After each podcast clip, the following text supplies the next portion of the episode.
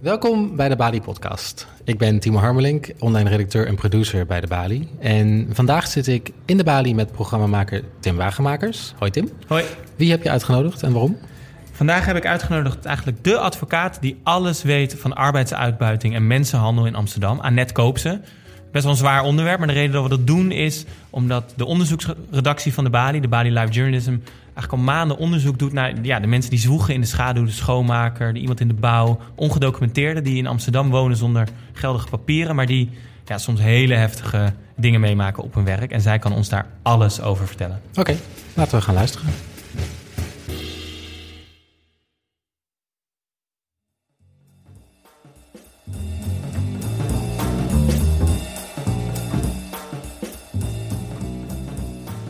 Het is op 18 oktober de internationale dag tegen de mensenhandel. En vandaag spreken we met advocaat gespecialiseerd in mensenhandel. Ze vertegenwoordigt de slachtoffers van mensenhandel, Annette Koopsen. Ze werkte al jaren in dit rechtsgebied en stond verschillende Amsterdamse ongedocumenteerden bij in hun zaken rond mensenhandel. Um, Koopse wees ons erop hoe moeilijk het is voor mensen zonder papieren om hun recht te halen. En daar gaan we het onder meer vandaag over hebben. Mevrouw Koopse, dank voor uw komst. Welkom. Graag gedaan. Um, we beginnen deze podcast altijd een beetje om een indruk te krijgen van onze gast met de vraag: waar heeft u zich nou de afgelopen week over opgewonden? Ja, ik heb er even over nagedacht. Maar uh, waar ik me werkelijk over heb opgewonden, was een uitzending van uh, Zondag met uh, Lubach. Ja. En hij had een item over die grote datacentra waar onze polders mee worden volgeplemd. En die dan heel erg zichzelf profileren. Kijk, wij doen het met schone indus, ja. energie. En er wordt dus een heel windmolenpark opgetuigd. Maar die, de enige afnemers daarvan zijn die grote datacentra. Dus uh, hij had een, een, heel mooi item yeah. daarover dat als je dat maar laat doorgaan, dat onze hele polder straks volgeplemd staat met datacentra en windmolens, waar Nederland zelf geen ene moer aan heeft. Want die grote multinationals die betalen ook amper belasting. Ja, ja. Vandaar dat ze ook kiezen voor Nederland om, om zich te vestigen. Maar wij zitten opgezadeld met hele lelijke uh, bedrijfscentra en. Uh, klassiek geval broekzak, vestzak. Ja, uh, windmolens. En het levert amper uh, werkgelegenheid uh, op. En waar ik me met name dan zorgen over maak, is dat, dat de. Uh, de acceptatie van windmolens als bron van schone energie doet afnemen. Ja, Want als ja. je zo'n lelijke windmolen in je achtertuin hebt staan, maar je denkt van, nou ja, maar de, mijn energie die ik gebruik, wordt daar opgewekt en daar hè, he, Ja. heb ik ook een bijdrage aan een schoner milieu. Nou, dat is in dit geval absoluut niet het geval. Het gaat ook om eigenaarschap van je omgeving dan. Ja, nee, zin, ik vond het echt, uh, ik vond het echt uh, heel uh, schokkend om dit uh, te horen. Het was ook iets wat ik niet wist. Dus ik vond, ik vond het echt een item waar ik me deze week bijzonder over heb En ga- opgewonden. gaat dan uw advocatenbloed wat sneller stromen? Dat u denkt, nou, hier zou ik wel... eh, Ja, alleen ik, sta, ik doe dit soort zaken helemaal niet. En ik weet, je hebt eh, hele goede milieuadvocaten die zich uh, daarin uh, kunnen Ja. vastbijten. Maar ik, ik vind wel dat dit iets is wat niet zou moeten gebeuren. Ja, ja, ja. Volgens mij is dat, want daar gaan we het over hebben, ook een beetje een leidraad in uw werk. U komt op voor slachtoffers van mensenhandel. Dat is een van uw rechtsgebieden. Um, we gaan het hebben over wat daarmee aan de hand is. En het is op 18 oktober is het dag tegen de mensenhandel. En, en ja, ik zat ernaar te kijken en toen dacht ik... waarom zouden mensen in Nederland die dag belangrijk moeten vinden? Ik bedoel, in het kader van de hele wereld is belangrijk, snap ik het heel goed. Maar wa waarom in de specifiek Nederlandse context is dat belangrijk? Is dat iets wat hier een groot probleem is? Ja, ik denk dat het belangrijk is om mensen weer bewust te maken dat mensenhandel voorkomt in Nederland. En wij kunnen soms het idee hebben dat we het allemaal bijzonder goed uh, geregeld hebben.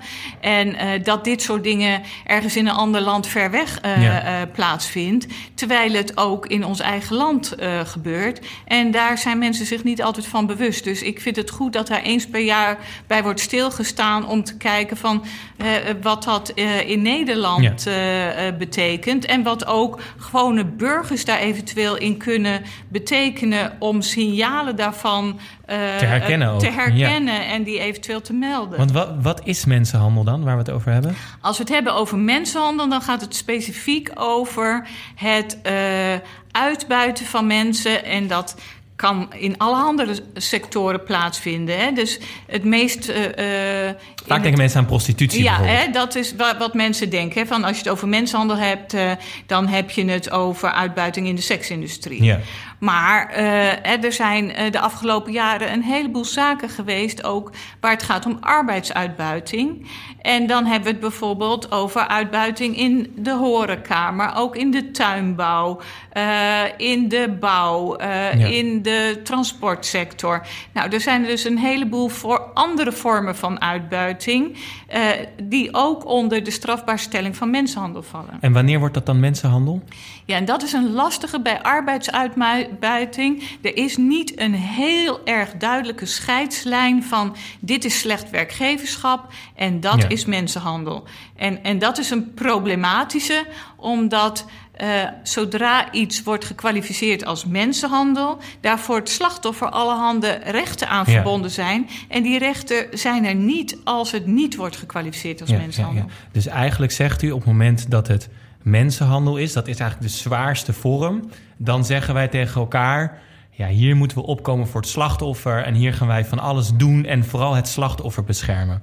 En als het slecht werkgeverschap is, dan kijken we ook naar de situatie van het slachtoffer. Is iemand wel geldig in Nederland? Heeft hij wel een verblijfsvergunning? En als dat niet zo is, dan is dat lastiger voor het slachtoffer, omdat hij dan misschien dus het land uitgezet wordt, bijvoorbeeld. Ja, ja dat, dat kan de consequentie zijn. Uh, hè, dat uh, je krijgt als slachtoffer van mensenhandel een verblijfsvergunning op het moment dat je aangifte doet uh, van mensenhandel. Maar als het wordt gezien als slecht werkgeverschap, dan zeggen ze: Nou, je hebt een conflict met je werkgever. Uh, uh, ga naar de kantonrechter, doe een loonvordering. Uh, en hooguit krijgt de werkgever een boete voor het, mm. het, niet voldoen aan de wetgeving en het in dienst hebben van een, ja. een, iemand zonder verblijfsvergunning.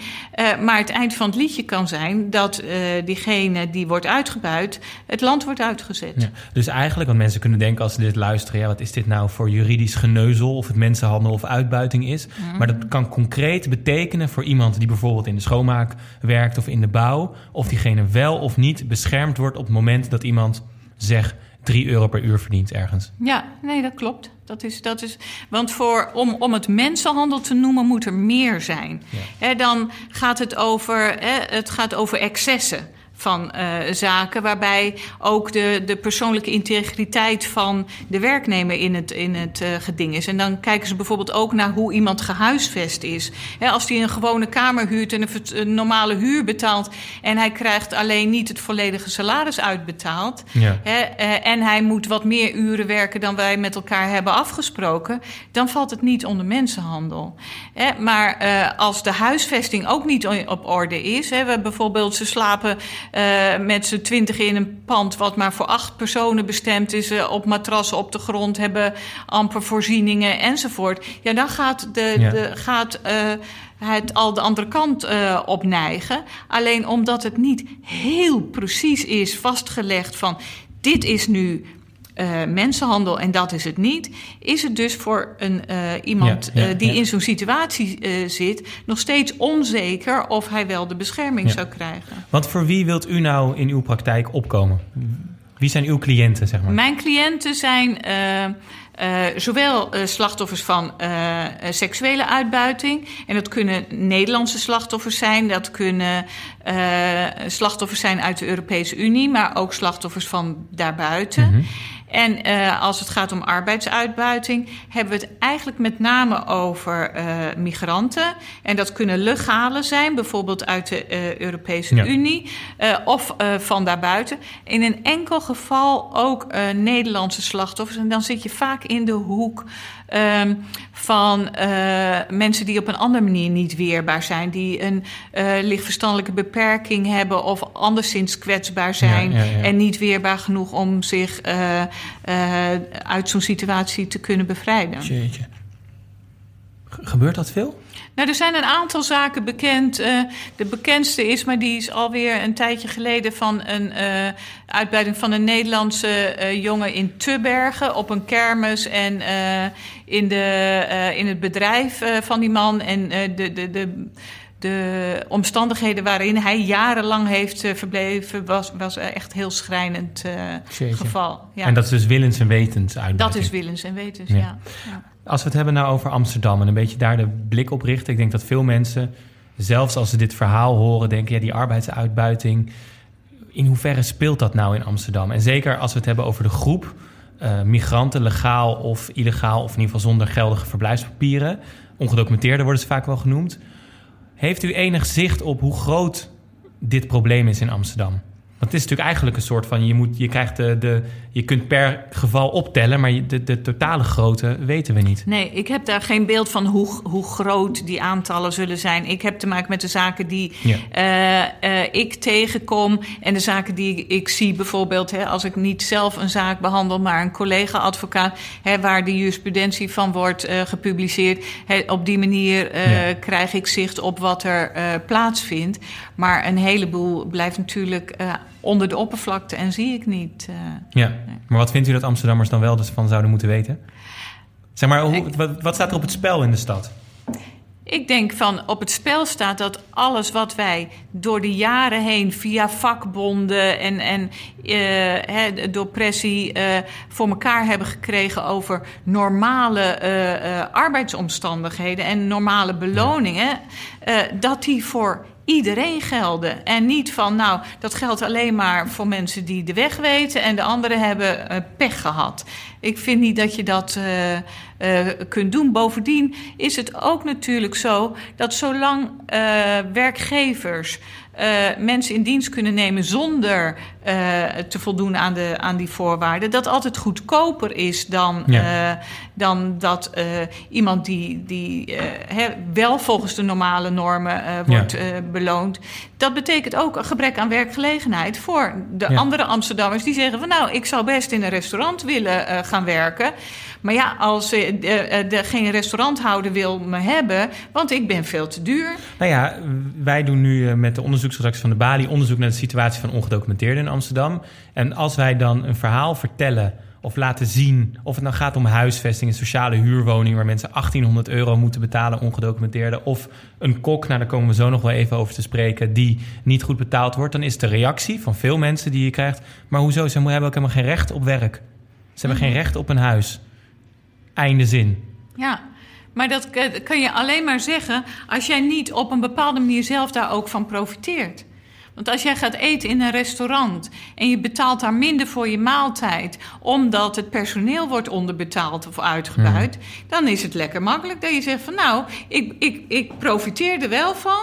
En uh, ik laat mijn huis ook verbouwen uh, door iemand zonder documenten. Want het is een tienmaal uh, goedkoper dan wanneer ja. ik het normale salaris betaal. Ik laat mijn huis schoonmaken door iemand zonder verblijfsvergunning. Want dat is vele malen voordeliger dan dat ik iemand ja. zou inhuren zonder die ik volgens de regels moet betalen. Zolang wij ervan profiteren, ben je er ook voor verantwoordelijk. U wordt er echt fel van. Ja, nee, ik vind dat ook.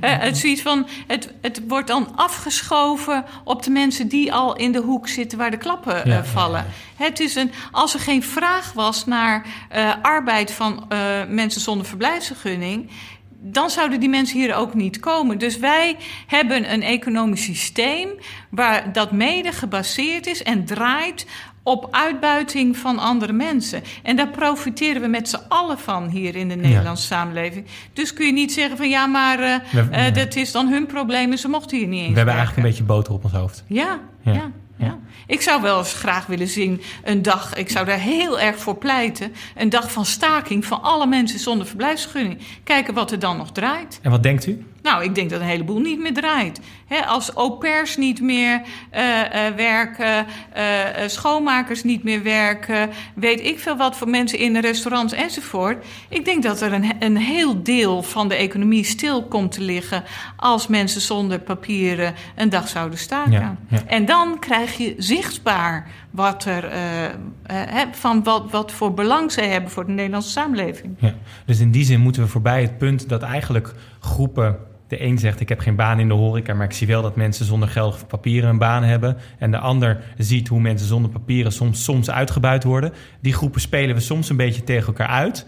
Terwijl eigenlijk de uitbuiter, degene die die zaak runt of die die schoonmaker uitbuit, Daar moeten we onze energie op richten. Ja, inderdaad. Ja. Ik wil eigenlijk een, ehm, een, een, een verhaal voorleggen uh, van een Indonesische man. Die werkte drie jaar in een restaurant. En die werd anderhalf jaar lang structureel onderbetaald. En um, het interessante daarin is, want dan kunnen we het misschien hebben over... wat kan je nou doen hè, op het moment dat zoiets uh, ter sprake komt. Hij maakte werkdagen van 12 uur, kreeg onder minimumloon betaald. Hij accepteerde dat omdat hij, nou, hij kwam daarmee rond. Toen kwam de politie op bezoek. Die ontdekte dat hij zonder papieren werkte. Dus hij werd ontslagen. Of tenminste, hij mocht daar niet meer werken. Vervolgens kwam die eigenaar van, die, uh, uh, van het restaurant. Die zei, je mag nog wel werken, maar we doen het dan illegaal. En je werkt s'nachts. En daar begon de ellende nog een keer. Want toen kreeg hij helemaal niet meer betaald. Of, uh, of alleen nog maar af en toe een klein beetje. Alles werd afgeroomd. En hij heeft nu meer dan 4000 euro die hij eigenlijk nog open heeft staan. Um, is dit een, is dit een uh, illustratief voorbeeld? Is dit een herkenbaar voorbeeld? Ja, dat is zeker een herkenbaar voorbeeld. Ja. Wat, wat kan zo'n man nou? Nou, hij kan sowieso um, uh, contact opnemen met bijvoorbeeld een organisatie als Fair Work. En Fair Work is een NGO die zich inzet voor, nou de naam zegt het al, eerlijk werk. Hmm. En zij kijken er niet naar van heeft iemand een verblijfsvergunning of heeft iemand geen verblijfsvergunning. Die kunnen zich daar melden. Ook weet ik dat de FNV een afdeling heeft die opkomt voor de rechten van mensen zonder verblijfsvergunning. Gewoonlijk moet je lid zijn van de vakbond, wil je uh, uh, gebruik kunnen maken van hun diensten. Maar voor uh, mensen zonder verblijfsvergunning is dat niet het geval. Hmm. He, nou moet ik wel zeggen, omdat er zo weinig mensen nog lid zijn van een vakbond, is het, heeft de vakbond ook gewoon minder geld uh, ja. te besteden. Ik vind dat ook wel weer iets, uh, het teken van de tijd van, uh, nou, ik kan het wel doen zonder vakbond. En ik denk altijd, je wordt lid van een vakbond niet alleen om te denken van, wat heb ik eraan, ja, ja, maar juist ook, wat heeft een ander het gaat om solidariteit eraan. Ja, het is, ja, nou, dat denk ik van, nou, een, een, gebrek aan solidariteit met mensen die niet in staat zijn om voor hun eigen rechten op te komen. Dus vakbond, de vakbonden en een, een organisatie als Fairwork... Eh, die gaat kijken wat ze voor zo iemand kunnen betekenen. Nou, dat kan betekenen dat zij een advocaat inschakelen... die een loonvordering doet... Hè, en dan bij de kantonrechter pleit voor ja. uitbetaling van het achterstallige loon. Maar het kan ook zijn dat de beperkingen die aan deze persoon zijn opgelegd... zodanig zijn dat je zegt van ja, maar hier is niet alleen sprake van een slecht werkgever... maar hier sprake van mensenhandel. Als bijvoorbeeld zijn huisvesting totaal onder de maat mm. is. Of de omstandigheden ook waar die onder werkt. Nou, de uren waren al uh, buitensporig. Maar het een ja. combinatie van factoren is waarbij je zegt van... nou, dit is meer dan alleen een slecht werkgever. Hier gaan we het hebben over mensenhandel. Dan kan zo iemand ook aangifte doen uh, van mensenhandel. En dan zou die uh, ook uh, verblijfsrechtelijk beschermd zijn. Maar ik kan me voorstellen dat het in de praktijk nogal veel vraagt van iemand in een kwetsbare positie. Omdat op het moment dat blijkt dat het geen mensenhandel is, dan komt de vraag: hey, ben je hier eigenlijk wel? mag je hier eigenlijk wel verblijven? En als dat niet zo is, is het misschien wel slecht werkgeverschap. Maar dan gaan we toch eens kijken of, nou ja, wat we met jouw zaak aan moeten als het gaat om verblijf. Dus de, je, je loopt een risico. Je loopt een risico als je bij de autoriteiten je meldt. Je loopt geen risico als je je bij een organisatie als Fair Work ja, ja, ja. meldt of bij de FNV meldt. Want die gaan niet melden van hé, hey, ik heb hier iemand en die heeft geen verblijfsvergunning. Als jij... Zij zijn eigenlijk een dijk eromheen. Ja, en als jij een procedure begint, een advocaat een loonvordering begint voor een, uh, een werknemer, dan gaat de rechter die die zaak behandelt niet uh, een melding doen aan de vreemdelingenpolitie. Hé, hey, ik heb hier een hmm. procedure van iemand die een loonvordering doet. En uh, die heeft helemaal geen verblijfsvergunning. Nee, nee, nee. Dus uh, huppakee, kom hem maar ophalen. Dus uh, in zoverre loop jij geen risico. Maar die werknemer loopt namelijk altijd risico als er een, een, een controle is bij die werkgever. En hij wordt daar gecontroleerd en heeft geen papieren. Nou, dan kan het zijn dat hij wel wordt overgedragen aan de vreemdelingenpolitie. Ja, maar dat risico dat wordt genomen omdat het toch ook niet zo heel veel gecontroleerd wordt? Of is dat een misvatting?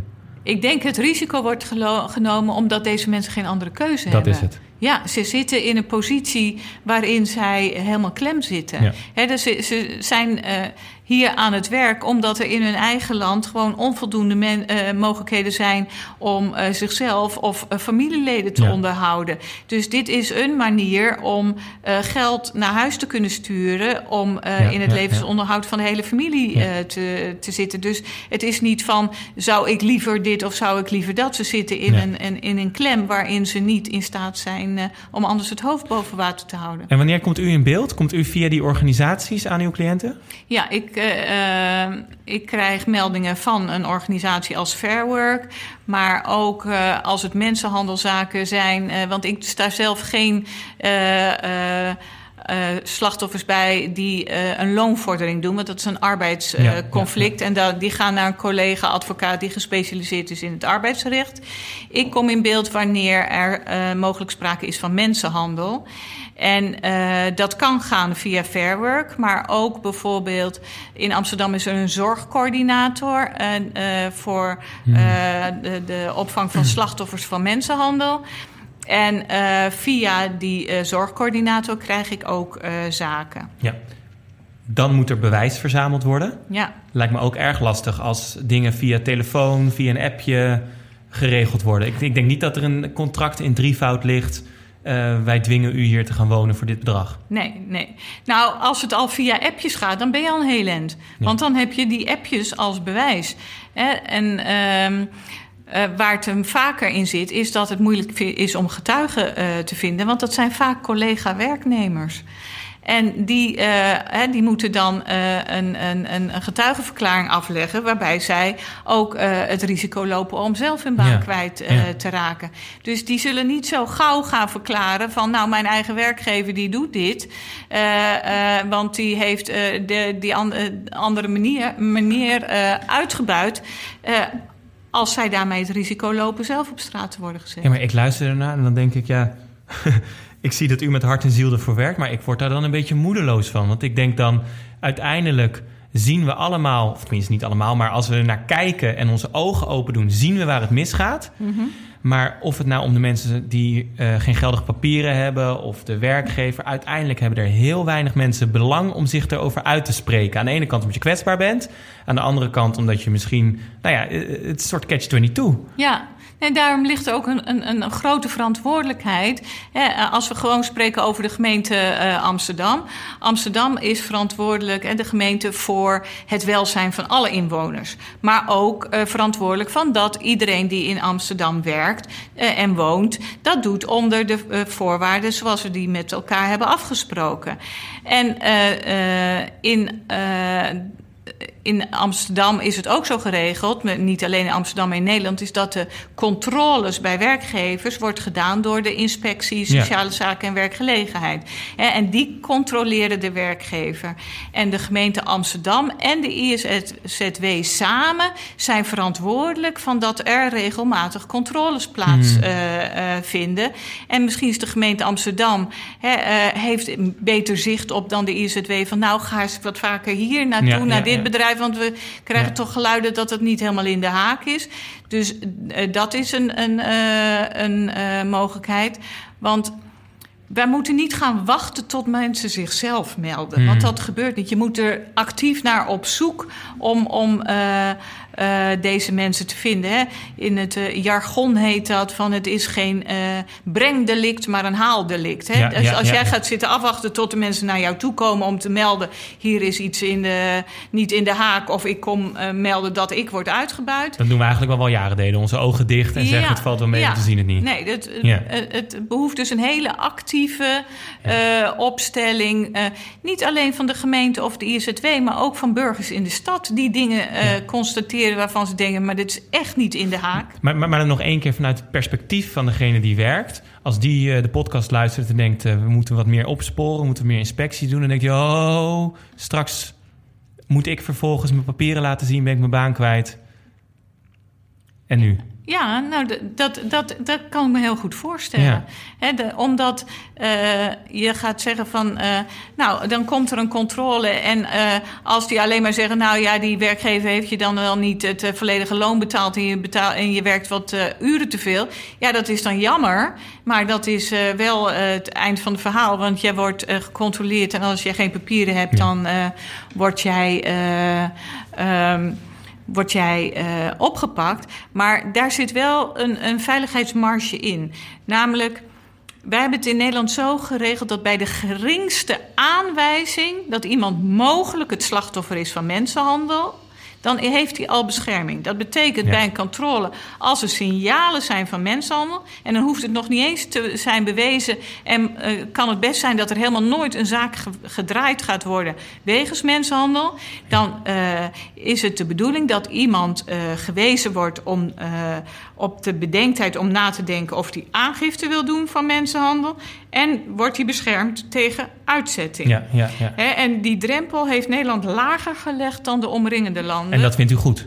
vind ik heel goed, Ja. omdat eh, in de omringende landen is de drempel van er moeten gegronde redenen zijn om aan te nemen dat iemand slachtoffer is van mensenhandel. Nou, klinkt dat nogal ingewikkeld, Mhm. maar eh, in een evaluatie daarvan op Europees niveau is dat besproken. En de andere landen zeiden eigenlijk willen wij naar het Nederlandse model. Maar, maar eigenlijk, als ik dat zeg maar niet juridisch samenvat, dan zegt u in het Nederlandse model, misschien met alle gebreken die er zijn, geven wij op het moment dat we met ons boerenlogische verstand zien, oei, hier zit iets niet in de haak, zijn wij geneigd het voordeel van de twijfel te geven aan de werker door te zeggen, hé, hey, wij gaan om jou heen staan. Ja, dat, Ja. Is, dat is inderdaad in Nederland zo gere- geregeld. Hè? Ja. Bij de geringste aanwijzing heeft iemand bescherming. Misschien tot slot, want we vliegen er doorheen. Ehm, wat is nou het belangrijkste waarvan u zegt als advocaat... hier moeten we met z'n allen mee aan de slag? Dit zou die situatie... want we hebben, het is een groot verhaal, het is een systeemverhaal... maar het heeft zijn weerslag op individuen.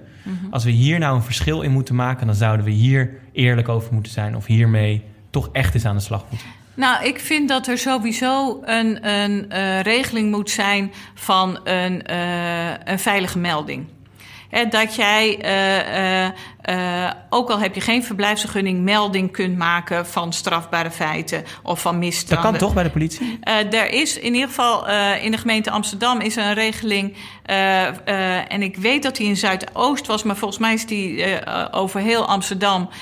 Als jij in elkaar geslagen wordt en je hebt geen verblijfsvergunning, dat als jij naar de politie Hmm. gaat om daar aangifte van te doen, dat je niet gelijk in je kraag Ja, wordt ja, ja, ja. gegrepen. Nou, en zoiets, en dat moet ook breed bekend worden gemaakt bij alle handen eh, organisaties, dat er zo'n soort eh, veilige melding is ook voor eh Ja. arbeidsuitbuitingszaken, zodat ook werkgevers weten, die denken nu ik kom ermee weg, omdat ze zeggen van ze gaan toch niet naar de politie toe, want dan worden ze Ja, meteen het land uitgebonjourd. En daarom kunnen deze situaties blijven bestaan. Als ze nu weten van er kan een melding gemaakt worden zonder dat dat meteen betekent dat iemand het land uitgebonjourd wordt, nou dat zal al een heel groot verschil Ja. maken. Wat denkt u eigenlijk van die werkgevers? Ik, ik krijg daar geen optimistisch mensbeeld van. Nee, dat is van het alleen maar eh, de portemonnee geld. Dus hoe kan ik op zo'n goedkoop eh, mogelijke Ja. manier eh, mijn bedrijf, mijn bedrijf draaiende houden? En ik ben verder niet geïnteresseerd in degene die voor me werken. Wat een armoedige manier van leven. Ja, het lijkt, het lijkt me niet dat je erg veel arbeidsvreugde hebt Nee. zelf als werkgever. Misschien tot slot, want daar begonnen we eigenlijk ook een beetje mee. Wat zou je nou zeggen tegen die Amsterdammer die naar dit luistert... en nou, die heeft nu denk ik een aardig beeld gekregen van wat er gebeurt. Maar welke verantwoordelijkheid kan nou die Amsterdammer pakken? Nou, sowieso degene die, die zelf iemand inhuren voor de schoonmaak, voor de kinderoppas, voor eh de verbouwen van de keuken enzovoort. Realiseer je wat je aan het doen bent en kijk van eh, onder welke omstandigheden mensen aan het werk zijn. En ik vind ook dat als jij om je heen ziet dat dingen niet in de haak zijn, dat je dat meldt. Ja, ja. Ga het aan. Wees verantwoordelijk. Doe je ogen open. Ja, Dat is inderdaad. Ja, Heel veel dank aan Net Koopse. graag gedaan. Dit was de Bali Podcast. De Bali Live Journalism heeft een bijeenkomst op woensdag 23 oktober over ongedocumenteerden die werken als schoonmaker voor Amsterdamse huishoudens. De hoofdvraag die avond is: wat is goed werkgeverschap als ik een schoonmaker in dienst heb? En op 18 november organiseren zij ook een avond waar ze kijken naar de rol van de handhaving en inspectie in de strijd tegen mensenhandel en arbeidsuitbuiting. Voor meer informatie over live journalism en tickets voor deze avonden, klik op de link in de show notes hier beneden. Dit was de Bali Podcast. Wij zijn er over twee weken weer.